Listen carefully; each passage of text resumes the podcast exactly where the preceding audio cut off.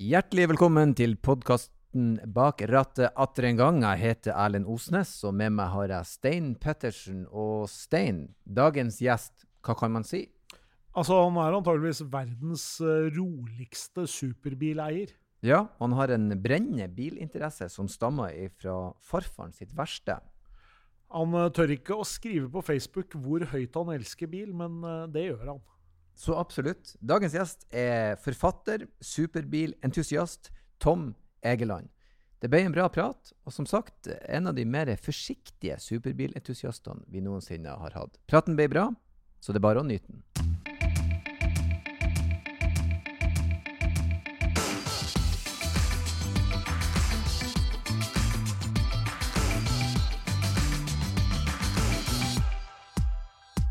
Og med det kan jeg si hjertelig velkommen til oss, Tom Egeland. Tusen takk. Ja, eh, bil. La oss gå rett på.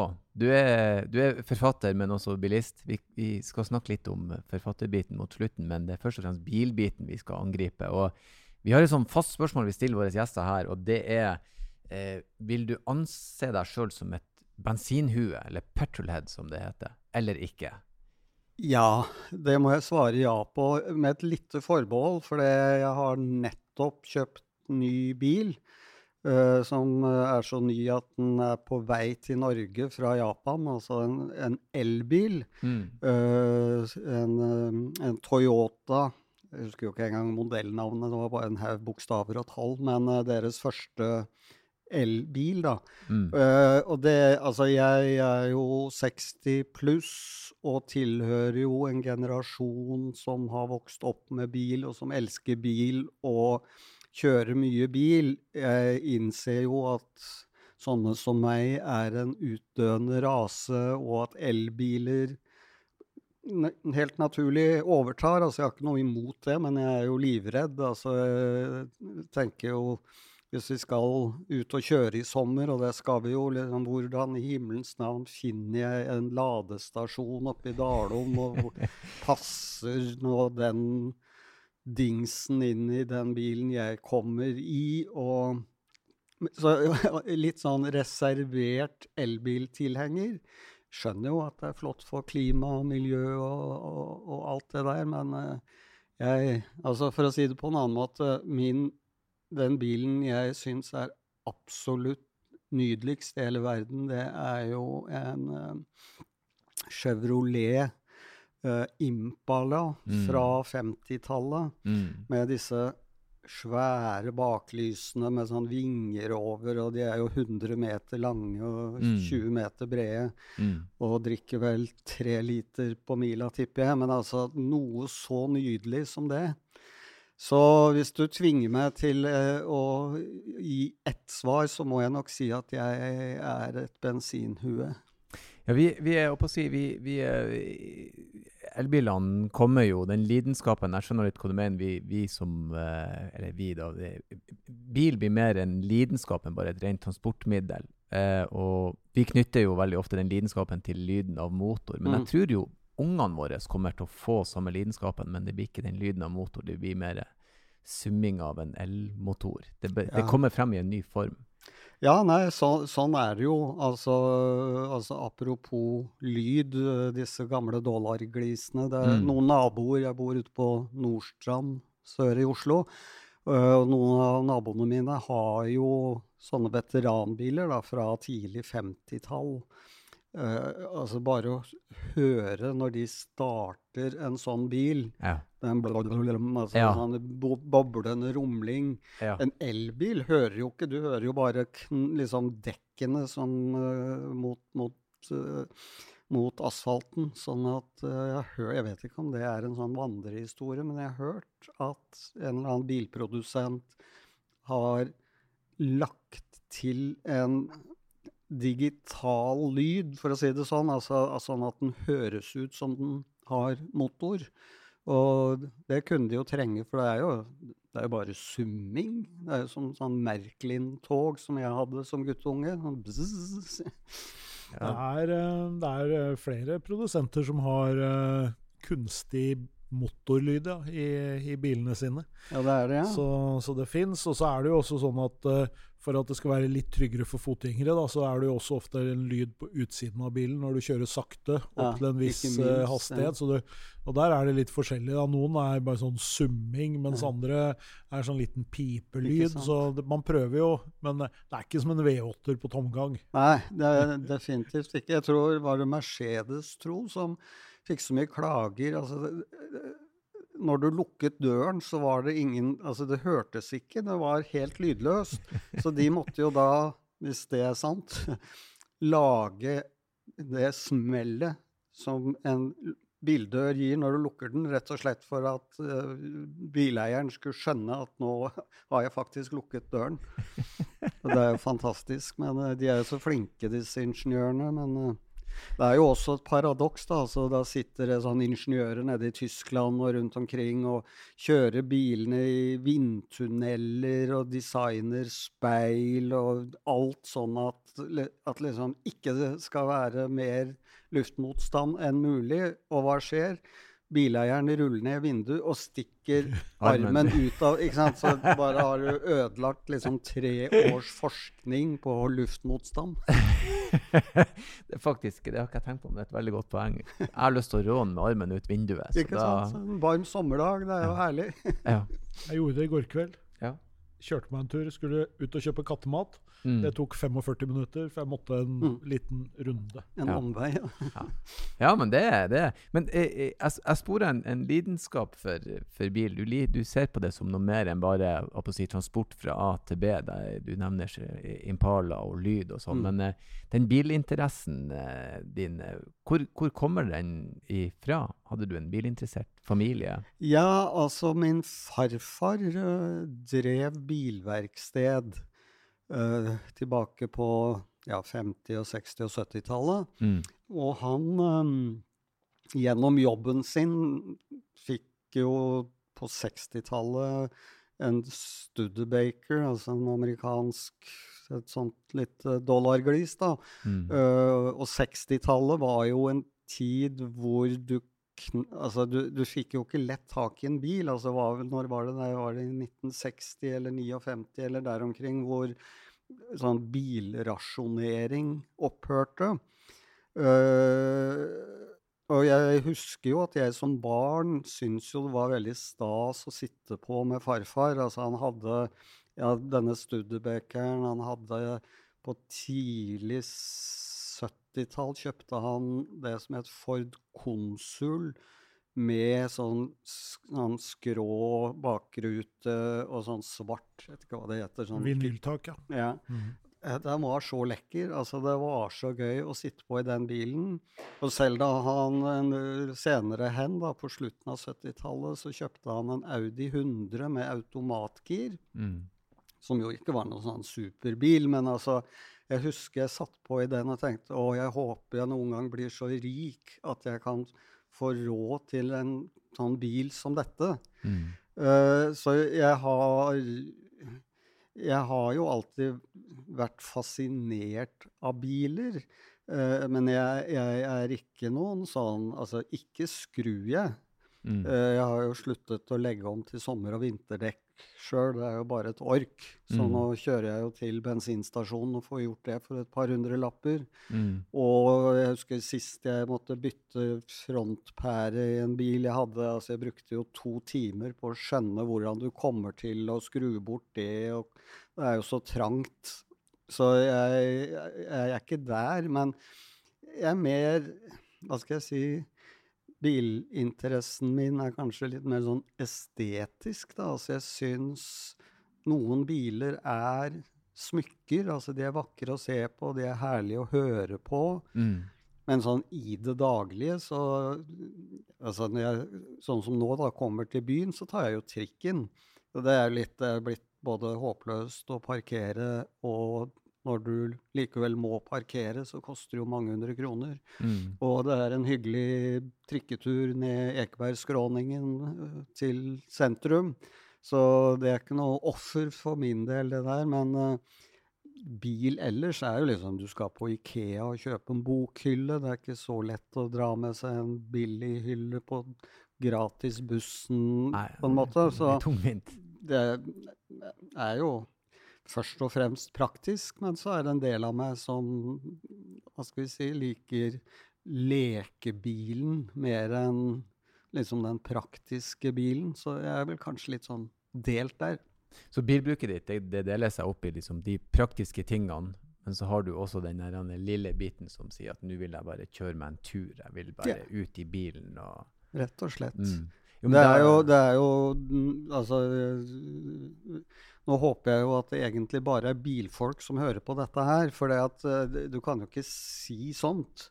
Altså Hvis jeg på Facebook skulle finne på å skrive Ja. 'deilig med bil', øh, det er jo bare motstand og Ja. kritikk og miljøsvin Ja, men det, det er kjempeinteressant, fordi at jeg, jeg- både jeg og Stein, og, og, og egentlig de aller fleste av gjestene våre, som du sier jo at det er deilig med bil. Jeg er glad i bilen min, jeg liker det. mm, Men i dag er det nesten ikke lov å si det.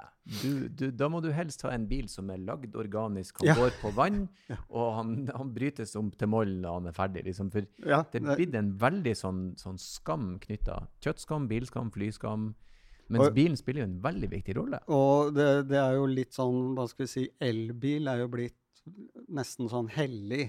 Men skal jeg først forlenge, hva skal vi si, argumentasjonen til bilkritikerne?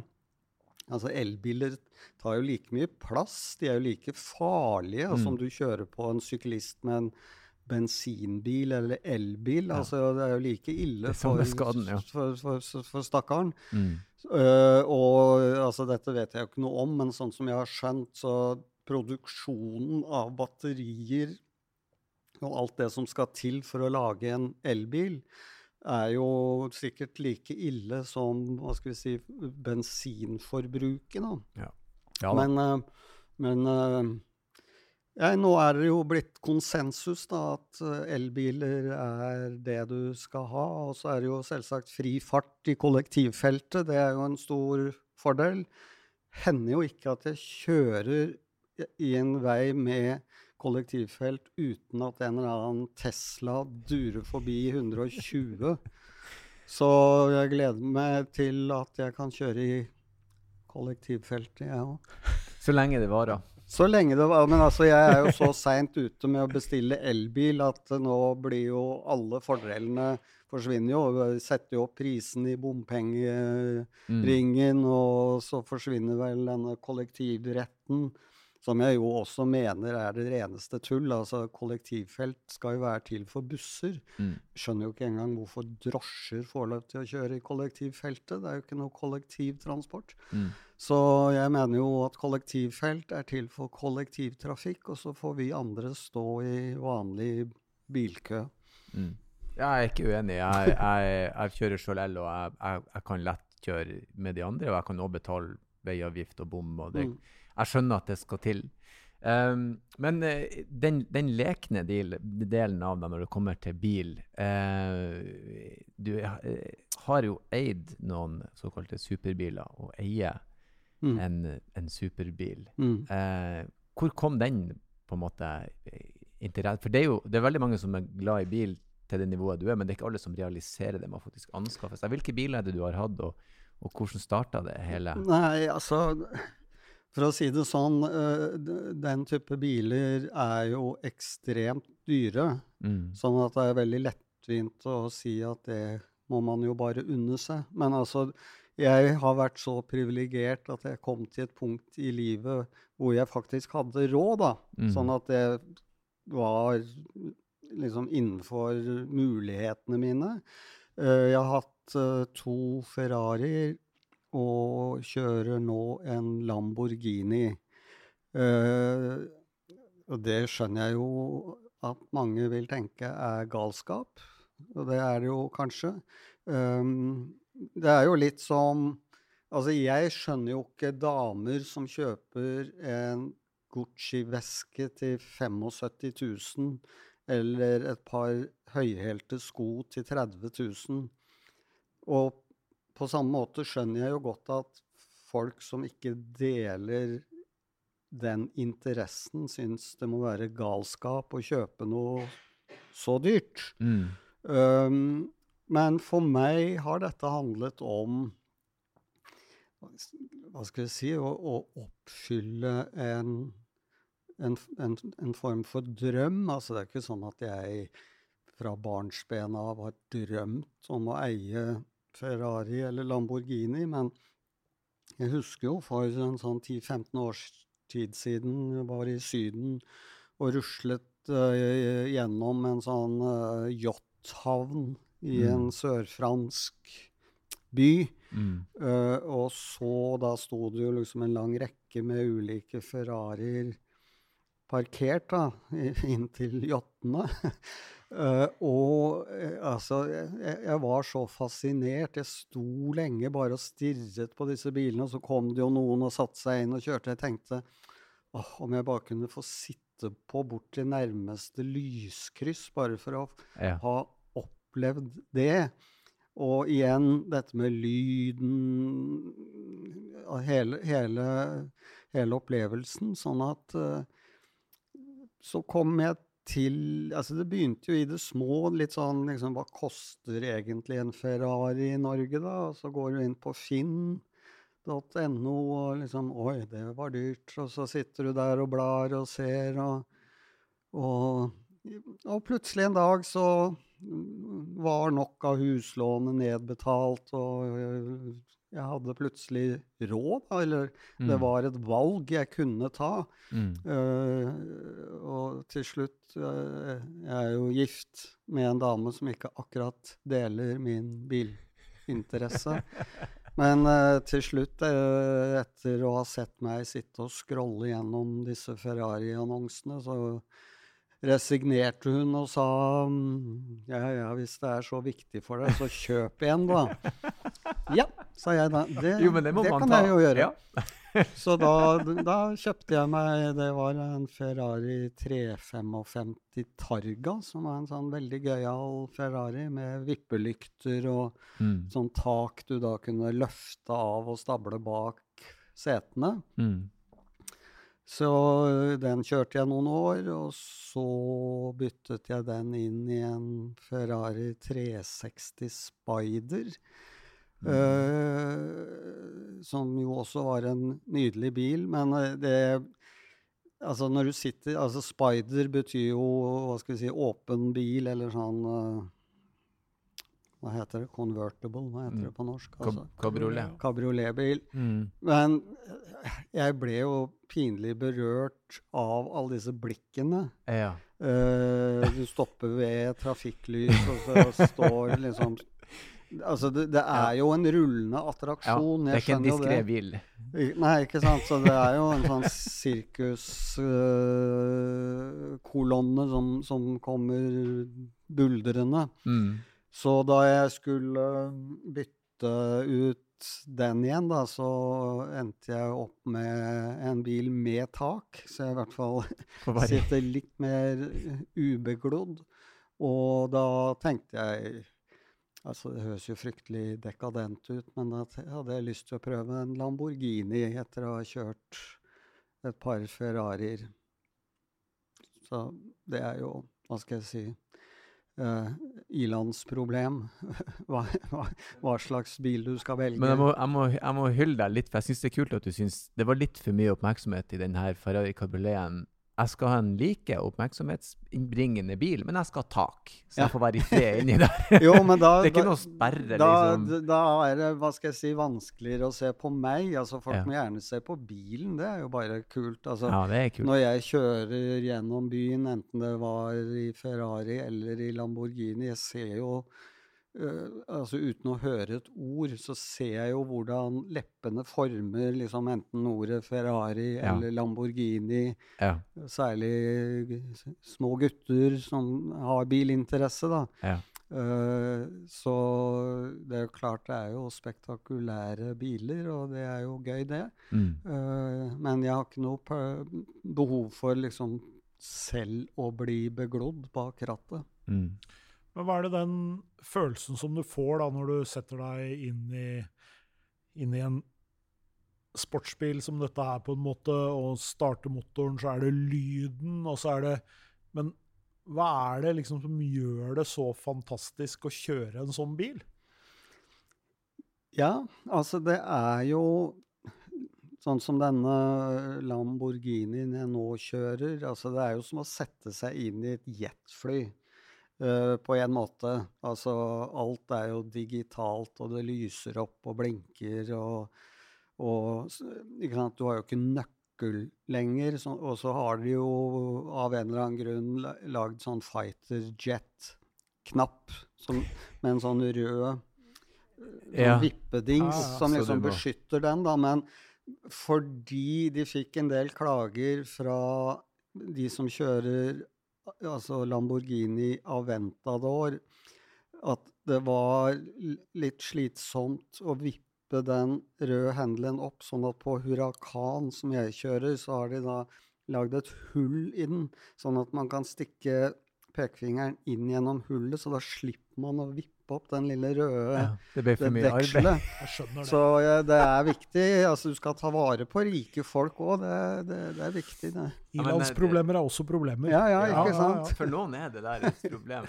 Nei, men jeg liker at de er sånn Å ja, vippebryteren er for mye. Vi skal finne på noe enklere ikke sant? for dere. Men det er jo altså ikke sant? Du setter deg Du sitter lavt. Uh, til daglig kjører jeg jo en sånn firehjulstrekker hvor du sitter veldig høyt, og uh, egentlig det er mer behagelig, for du har bedre overblikk og se, leser trafikkbildet bedre. Men det er jo litt sånn, du synker jo ned bak rattet, du trykker på denne røde knappen, uh, eller knappen er vel svart, egentlig, og motoren buldrer og Ja, hva skal jeg si? Det, det, du må nesten oppleve det for å kunne fornemme det. Um, så er det jo uh, Altså Paradoksalt nok er ikke jeg sånn hysterisk opptatt av fart. Altså mm. Jeg respekterer jo stort sett fartsgrensene, og ikke minst liksom 50 og 40 og 30 soner og sånn er jo der av en grunn. Så det, for meg handler det ikke om å nå en toppfart på 350 eller hvor fort denne bilen nå kan gå. Mm. Men det jeg er veldig glad i, er jo akselerasjonen. Ja. Uh, du er jo Altså både fra null til et, en eller annen hastighet, men også fra Si du ligger i 70 da, og skal forbi en bil mm. og girer ned, så mm. er du jo forbi på liksom to sekunder. Mm. Sånn at den, den, den, akselerasjonskraften som ligger i bilen, er jo bare herlig. Mm. Det er jo nesten som en motorsykkel. ikke sant? Mm. Er, når, du, når, du, står bak en motorsykkel på et rødt lys, så er jo den en halv kilometer nede i gata før du får kommet deg over krysset. Og sånn er det jo med disse italienske mm. superbilene. Så, så Men ikke sant, altså på motorveien Enhver idiot kan jo kjøre i 250 hvis de vil det, og det gjør de jo ofte. Veldig mange biler som vil kappkjøre med meg. altså De legger seg opp på siden av meg.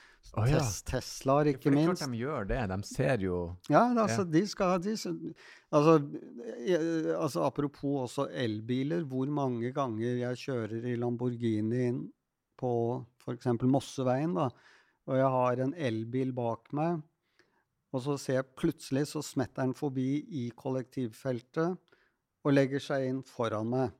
Altså, greit nok, det gjør ikke meg noe, men hvor, altså, hva er denne fascinasjonen ved å kjøre forbi en Lamborghini eller Ferrari? Mm. Og alle biler i dag er jo fantastiske. Altså Da jeg kjøpte min første bil tilbake på 70-tallet, det var en Mazda 1300.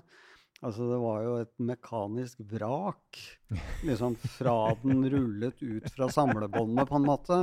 Uh, og da var det jo sånn Altså, jeg startet min karriere som journalist faktisk som biljournalist i ukebladet Vi Menn. Mm. Og da fikk jeg jo prøvekjøre veldig mye forskjellig bil. Og overgangen da fra min Masta 1300, som da sikkert var ganske mange år gammel, til f.eks. en ny BMW 733 CSI. Altså det var, det, det var jo en annen verden. Mm. Men i dag er jo alle biler sånn. Altså selv de Ja. dårligste på en måte er jo fantastisk. Linjene viskes ut. eh, i, i, i, i, I hele mitt liv så har jo på en måte Skoda vært en sånn vits. Mm. Hvorfor kjøre Skoda når du kan gå? Mm. Og jeg eide en Skoda for ikke Ja, for det er noen år siden nå, men det var jo en kanonbil, de nye Ja. Skodaene. Og den er blitt like bra som på en måte de dårligere bilene er blitt jevnere, og så har du premium over, da. Men Ja, det ja, er jo som du sier, alle biler i dag er jo fantastisk. Akselerasjon, skinn, Ja, ja, ja. stereoanlegg Jeg eide en. Lada. Jeg i sin tid kjøpte Lada på bilauksjon. Superbil. Altså, jeg tror det var en litt sånn luksusutgave, i den grad det fantes. Eh, men sprek, god bil, så Mm. lenge den varte. Eh, men, men i dag Ja, som du sier, jeg husker også dette med Skoda. Altså, i dag kan knapt komme på en bil som jeg vil si liksom er Fy fader, for en elendig bil. Jeg må si, du sier Lada. Jeg, jeg kjørte rundt i en Lada Niva Ja. i nesten et års tid. En venn av meg hadde en som han kjøpte på spøk. Ja. Så endte det med at jeg brukte den Ja. eh, som en sånn ekstrabil. Og den var forferdelig. Ah, ja. okay. Men, da er vi ganske langt tilbake, altså. Så jeg tror at hvis du går og kjøper en ny bil i dag, Ja. så skal det veldig mye til. Jeg har jo også jobba som biljournalist i 25 år. Ja. Og i løpet av den tiden, fra jeg begynte sånn på ja, tilbake på, på 90-tallet, liksom, og så, og så utover, så, så, så skjedde det noe. fordi at det, det var nesten ikke mulig å slakte en bil lenger. Nei, fordi det, det, det var ikke biler. dårlige biler, det Nei. var gode biler, og det var mer smak og behag. Og en, en, en liten, billig elbil i dag akselererer jo raskere enn en Golf GTI Ja, gjorde når den var ny, og det var jo helt Ja. fantastisk, liksom. Ja. Ikke sant? Og det, og det samme gjelder jo dette med fart. Altså om du kjører en Lamborghini eller en Ferrari som ja, den har kanskje kraftigere, kraftigere akselerasjonskraft enn en vanlig bil, men altså en hvilken som helst bil kommer jo opp i en topphastighet som er hinsides norske fartsgrenser. fartsgrenser. ja. Sånn at det det er jo ikke Altså når du kjører på motorveien, så, så er jo eh, Ja, jeg blir jo forbikjørt i ett sett, jeg. Altså, fordi jeg prøver jo Altså, jeg skal ikke si at jeg til enhver tid ligger i, i farts, eller under fartsgrensen, men altså, jeg er ikke noen sånn råkjører. Mm. Jeg har kjørt litt på bane, da, hvor du kan, hva skal jeg si, ta ut bilens potensiale. Mm. Men eh, det er jo fryktelig slitsomt, da. Altså kjøre veldig fort og masse svinger og ting og tang. Så du, drar, du tar med deg eh, både Ferrariene og Lamboen som du hadde med deg på banen og fått prøvd de og kjørt litt? Jeg har, jeg har gjort det, men altså jeg er ikke noen sånn Jeg er ikke noen um, Hva skal jeg si ekstrem banekjører. Uh, dere burde jo heller invitere til denne podkasten Sigurd Vongraven, altså vokalisten i Satyricon og, Ja, og Vinmann. ja. Uh, han er jo Porsche-frelst så det holder. Han har jo to minst Porscher. eh, og kjører på bane så ofte han kan. Mm. Uh, så, så men jeg er, ikke, jeg er ikke der, men det er klart det er gøy å kjøre på bane. Men det er, det må jeg si, altså det er slitsomt. Det, all den derre rattinga ja. gjennom S-svinger og Hornål-svinger og øh, hva skal vi si nedbremsing, og du vil jo nødig bulke borti noen av de andre på banen. Så jeg Mm. syns jo det Jeg blir bra utslitt av det. Du, det skjønner jeg. jeg. har du, har du tatt det med deg på noen lengre turer, disse bilene? Har du kjørt nedover i Europa eller gjort noe sånt? Eller? Nei, jeg har nok ikke det. Eh, det er jo en sånn tanke som hele tiden ligger baki der.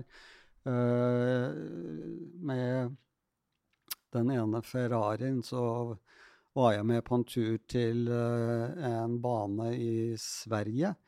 eh, hvor vi var en gjeng sportsbilentusiaster da, som kjørte sammen over dit.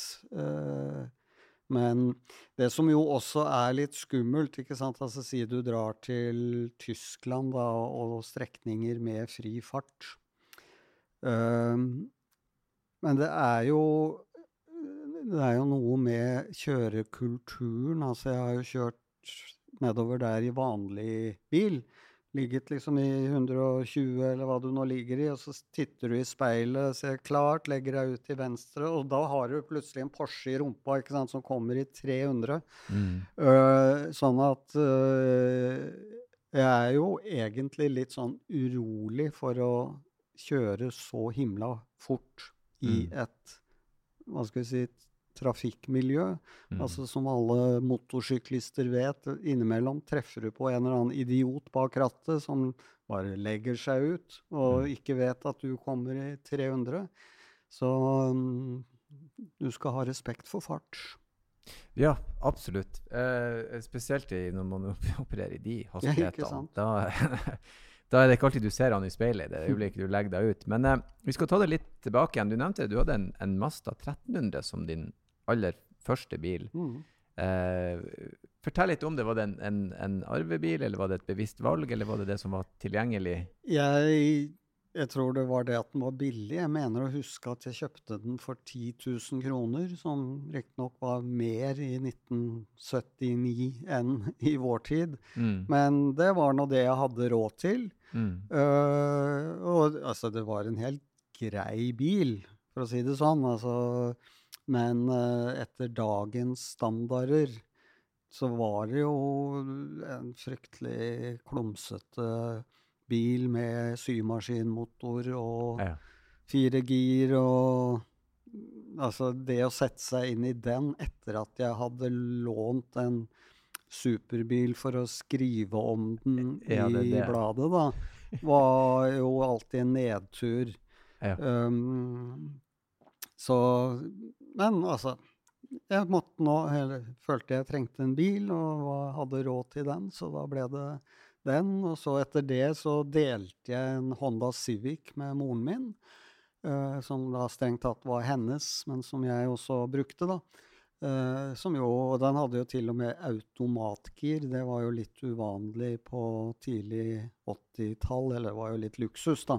Mm. Uh, I dag får du Jeg vet ikke om du får kjøpt biler med manuelt gir lenger. Kanskje sånn sportsbiler. Det fins noen. Noen av de, men det er eh, ikke mange. Og noen varebiler, men ellers så Ja, er, ikke det, sant? så er det begynner jo Med el så har jo på en måte manuell giring Ja. forsvunnet.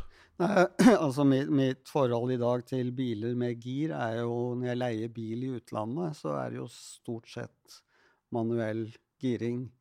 Eh, og det, altså, det sitter inne. Det, det er jo litt som å sykle. Har, liksom, Mm. har du lært det, så må jo bare Enhver bil har jo sånn ulik Det lærte jeg ganske tidlig. altså Ulik den derre utvekslinga mellom kløtsj og Ja. gass. Altså når griper gassen på en måte Hvor lenge må du slure for ikke å hoppe? Mm.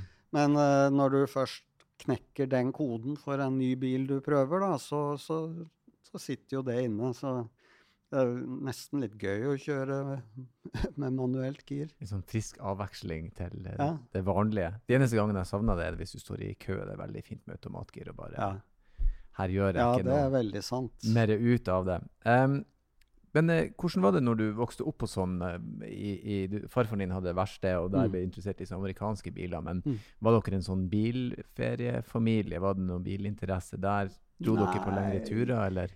Altså, vi hadde en sånn felles familiehytte nede på Fuglevik mellom Moss og Larkollen. I min barndom var jo det en lang tur, føltes det som. Da var jo ikke den nye Mosseveien utbygd, så det, det, vi kjørte jo det som kalles gamle Mossevei, som nå er sånn sykkel-eldorado for altså tohjulinger, da. Mm. Uh, men jeg husker det var Altså, det tok halvannen time kjøring.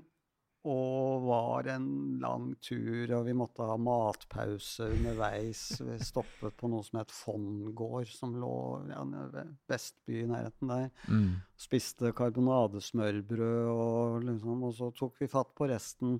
Mm. Nå, med motorveien nedover i Østfold, altså, så er vel jeg vet ikke, Oslo-Moss er vel tre kvarter, 50 minutter eller Mm. noe sånt nå. Mm. Og liksom Det er liksom på ett gir, for å si det sånn. Altså du bare plutselig er du der. Mm.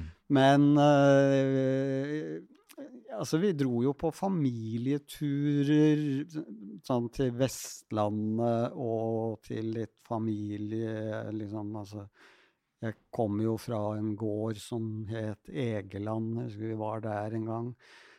Alt dette var jo komplett uinteressant for meg. Jeg lå jo stort sett i baksetet og var bilsyk.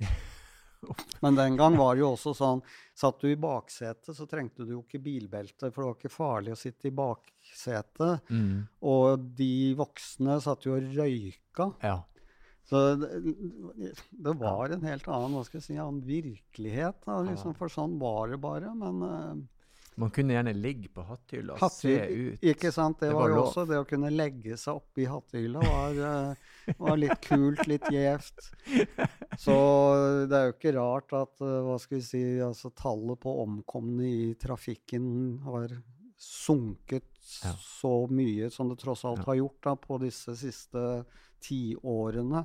Blitt bedre på alle måter. Så. Ja, altså, og bilene også. altså liksom Frontkolliderte du tilbake på 70-tallet, så var det jo død, liksom. Mens nå er det jo sånne, hva heter sånne puter som blåser, sånne kollisjonsputer. Og sånn som jeg har skjønt det, så har de jo nå bygd hva heter liksom disse bjelkene, da, sånn at Kompresjonsområdet. ja, ikke sant. Altså at du bare Selve det du sitter i, er på en måte rammet inn og skyves bakover, sånn Mm. at det er selve karosseriet og motoren forsvinner under deg. mm. Gamle dager fikk du jo den liksom i magen. Så ting har jo endret seg, selv om det Nå har det jo vært en grusom vår Ja, når, når det gjelder trafikkdødsfall, da, men mye av dette er jo Kall det tilfeldig. altså Det er klart, når var det fire som omkom fordi de kjørte inn i en traktor med gruslast. En tunnel nordpå, de traff en traktor der. Ikke sant? Mm, Da Altså, det er jo en tragedie, og det er jo unødvendig på sitt vis. Men det er jo litt tilfeldighetenes spill. Mm.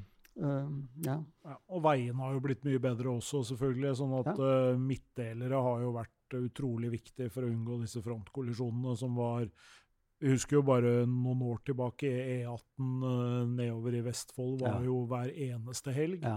Og nå er det jo ingenting lenger, eh, nesten. Og, og, og jevnt over vil jeg jo si at nordmenn har eh, en god Stort sett, da. Trafikkultur. Ikke spør meg om bruk av blinklys og klipping i rundkjøringer. Ja da. Altså, det, det, det, er jo en del rundkjøringer i Oslo, og der hvor det er to filer ut og inn Det er nesten ikke en gang jeg kjører og ikke bilen foran meg klipper inn i, i indre eller ytre felt. Og uten å blinke altså jeg, jeg er jo en gammel mann blitt, altså jeg irriterer meg jo Ja. grenseløst over bilister som ikke blinker. Ja. Som jeg alltid gjør liksom, i enhver sammenheng, i hvert fall hvis det er mennesker på veien og biler på veien. Må, og, og hvis jeg først får ta en liten tirade ja. Kjør. Velkommen. Du skal jo ikke blinke idet du svinger. Altså, jeg ser jo at altså, Blinking er jo for å signalisere liksom. Kjære medtrafikant, nå har jeg tenkt meg over i din fil, så ikke gass på. Mens når du da sier kjører i Spania eller Italia, leier deg bil der, ligger på motorveien, og så skal jeg ut i si en forbikjøringsfil, da. Hva skjer da? Da ligger jo den BMW-en som ligger bak meg, akselererer jo for å blokkere meg.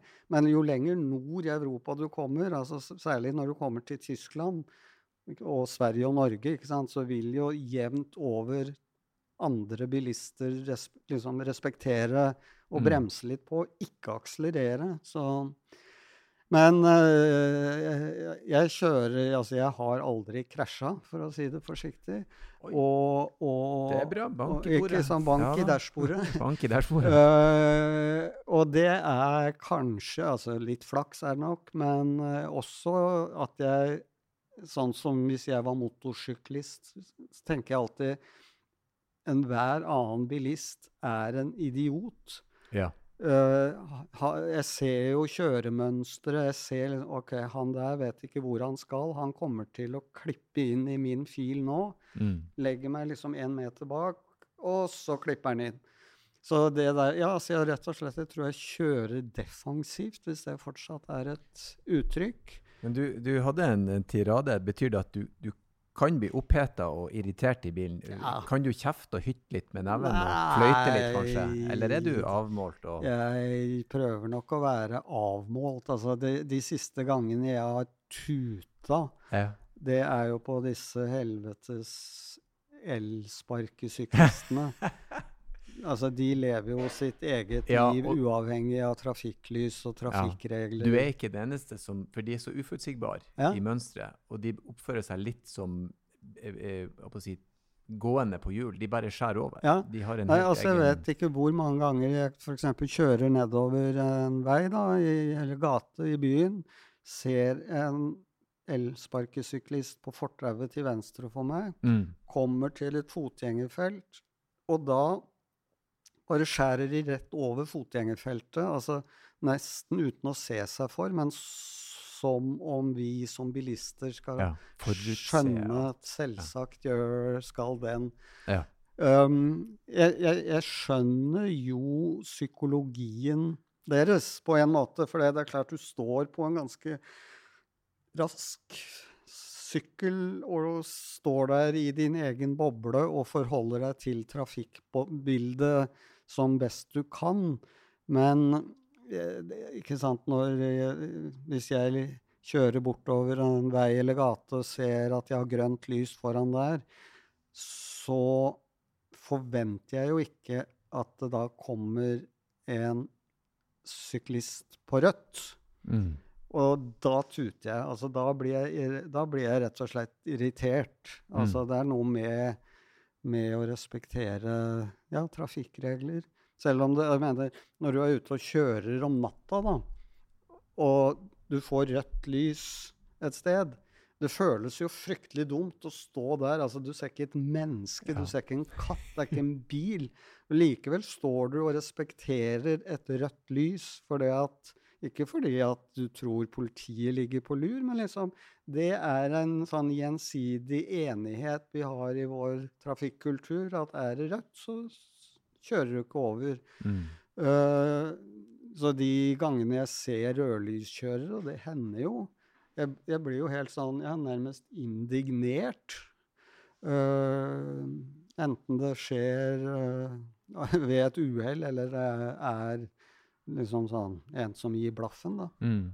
Ja, men uh, de folk som gjør det, og den, den, det som du sier, det er en veldig sånn hard norm for å bryte akkurat den. Du Mm. sitter jo på natta og venter til det blir grønt. Ja, det, det, det er jo en sånn merkelig greie, men eh, ja, jeg gjør det i hvert fall. Jeg tror liksom veldig mange gjør det, selv om det sikkert finnes dem som ikke gjør det. Du, du sa litt om det i sted, eh, at du er en eh, litt eh, Hva skal vi si defensiv. Du tar med mye hensyn til trafikken rundt og legger deg litt bak. og sånn. Litt i den ånden. På, hvis jeg skulle gitt deg en skala fra én til ti, der selvfølgelig én er dårligst, ti er best, på hvor, hvor ville du plassert deg på den skalaen som bilist? Så hvor god er du til å kjøre bil? Og hvorfor legger du deg der du velger å legge deg? Én til ti. Nei, jeg ville nok lagt meg på 8-9 et sted. Ja. Eh, og den høye poengsummen er jo først og fremst fordi jeg er en forsiktig og hensynsfull bilist. Altså jeg er alltid forsiktig rundt syklister, jeg er alltid oppmerksom ved fotgjengerfelt, Mm. og har som sagt aldri krasja. Den har Eh, aldri krasja. Den teller høyt, altså. Ja. Det har vi aldri. sterk. Det er første gangen i podkastens historie. Men det, det det jeg ikke er så god på Altså, jeg har jo vært altså F.eks. på banekjøring, så merker jeg jo det at de som er kjempeflinke til å finne de riktige sporene ikke sant? Når du skal gjennom svinger og du skal kjøre liksom i 100 km i timen, da. øh, der sliter jeg litt altså med det der Jeg har jo sittet på med racerførere som har liksom lært meg hvordan jeg skal kjøre gjennom en bane. Og liksom Der skal du gire ned sånn, og så skal du velge det sporet, og så gir du på når du kommer ut av den sånn, sånn, sånn Liksom et sett med regler som sånne racerbillister kan, da. Mm. Uh, der sliter jeg litt. Det må jeg si. Så jeg er ikke sånn teknisk kjempegod. Mm. Men jeg på å si, som bilist så syns jeg jo du eh, eh, ja. Det er der vi legger vi, Skalaen er jo ikke racerfører, men bil. nei, nei, altså i, i, i, i hverdagstrafikken ville jeg nok glatt gitt meg en tier. uh, men, men jeg hadde ikke egna meg på en Formel 1-bane. Mm. Dessuten er jeg liksom altfor forsiktig. altså Jeg ville være redd for å krasje inn i en kollega og være for hensynsfull til å kjøre forbi en Ikke sant? Altså, Jeg tror de er ganske beina, de som driver med det der. De som, eh, og så innimellom så krasjer de jo så det synger, liksom. Mm. Og når du gjør det i 300 km i timen, så Men ja, de sitter vel også veldig beskyttet, da. Mm. Eh, det er vel ikke så mange som har dødd de siste årene, som husker liksom tilbake på ja, 70-tallet og sånn, da før, ja.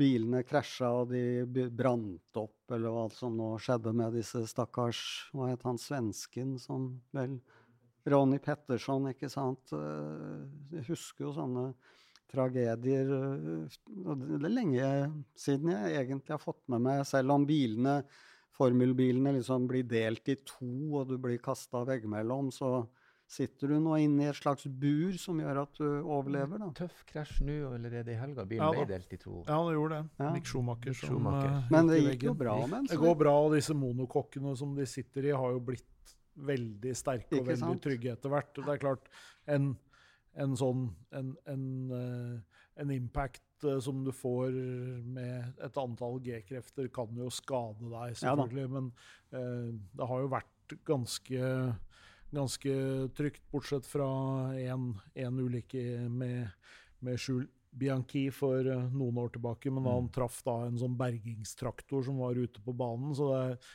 maks uflaks selvfølgelig i tillegg, men det har jo blitt enormt mye sikrere de siste, siste 20 åra. Mm.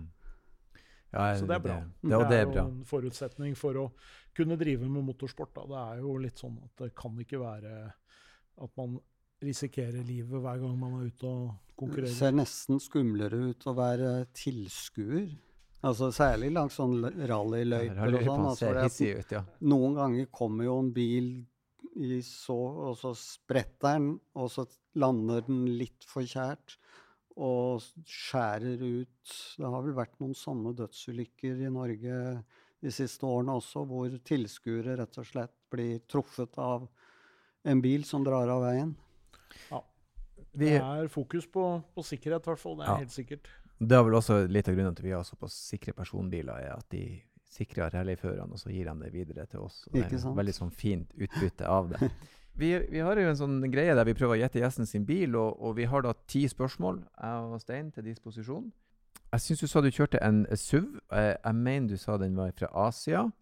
Um, jeg tror at uh, jeg skal spørre jeg, jeg vil tro det er en fossildrevet bil, for du sa du skulle begynne med el nå.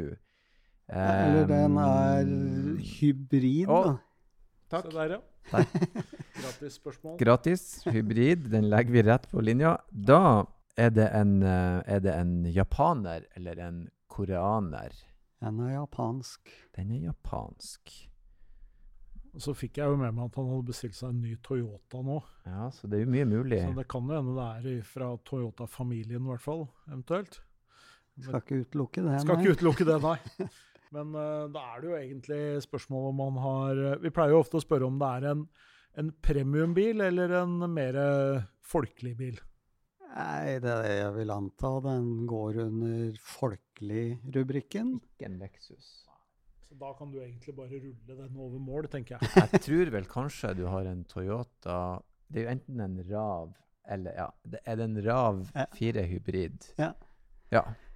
Vær så god. Bra jobba, Stein. Der ga du meg, du ga du meg en lissepasning, så jeg kunne bare rulle den rett over målstreken. Ja, ja, ja. Rav bra, altså. 4. Ja. Ja, men det er bra. Den, men det er en gøy kombo. Jeg har en Lamborghini Huracan og en Ja. Rav 4. Ja. To veldig forskjellige kjøretøy. Vi har jo et spørsmål som vi pleier å avslutte Mm. med. Men Mm. eh, spørsmålet er eh, hva kan man egentlig Hva kan man ønske seg da? Ja, altså, det vi avslutter med, er jo sånn et en eh, scenario. Du, du, du spiller euro-jackpot. Du drar inn storpotten på 953 millioner kroner. Eventuelt bli oversatt til enda flere språk. Ja. og du liksom Penger er ingen option. Ja. Hvilken bil hadde du gått for da? Ubegrensa midler. Altså Jeg ville vel kanskje kjøpt en Lamborghini Å, oh, nå står det stille for meg. Aventador. Aventador. Altså modellen, hva skal jeg si, over den jeg kjører nå, da. Ja. De er jo veldig like, men uh, Aventador er jo hakket tøffere Ja. å se på.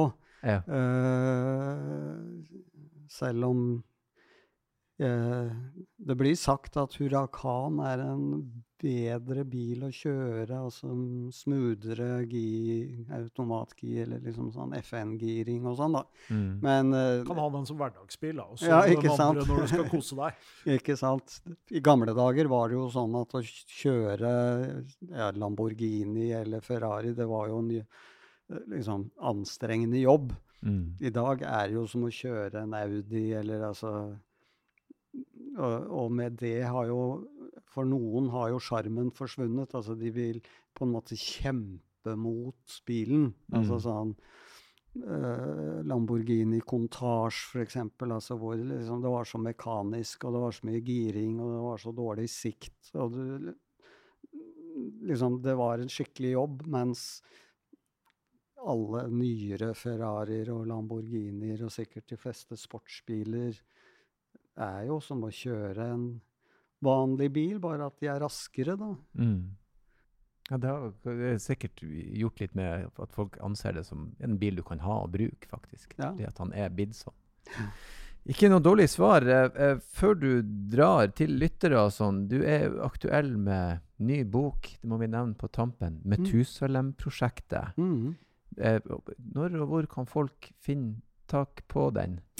det er vel så enkelt som å gå inn i en bokhandel og spørre Ja. etter den, vil jeg tro. Så Eller bestille den på nettet. Den Ja. er i salg nå. Ja. Sånn at uh, bokhandel er et utmerket sted å kjøpe bøker. uh, tusen takk for at du kom på besøk. Det var, Det var hyggelig. veldig hyggelig. Så får vi uh, håpe at det bare er bilentusiaster som hører på, ikke MDG-ere og sånne. Som Nei da- jeg tror De har sikkert egne podkaster. Det vil jeg tro. Vi har nok det. Eh, jeg skal avslutte som jeg alltid gjør med å si tusen hjertelig takk igjen, og kjør forsiktig. Det lover jeg.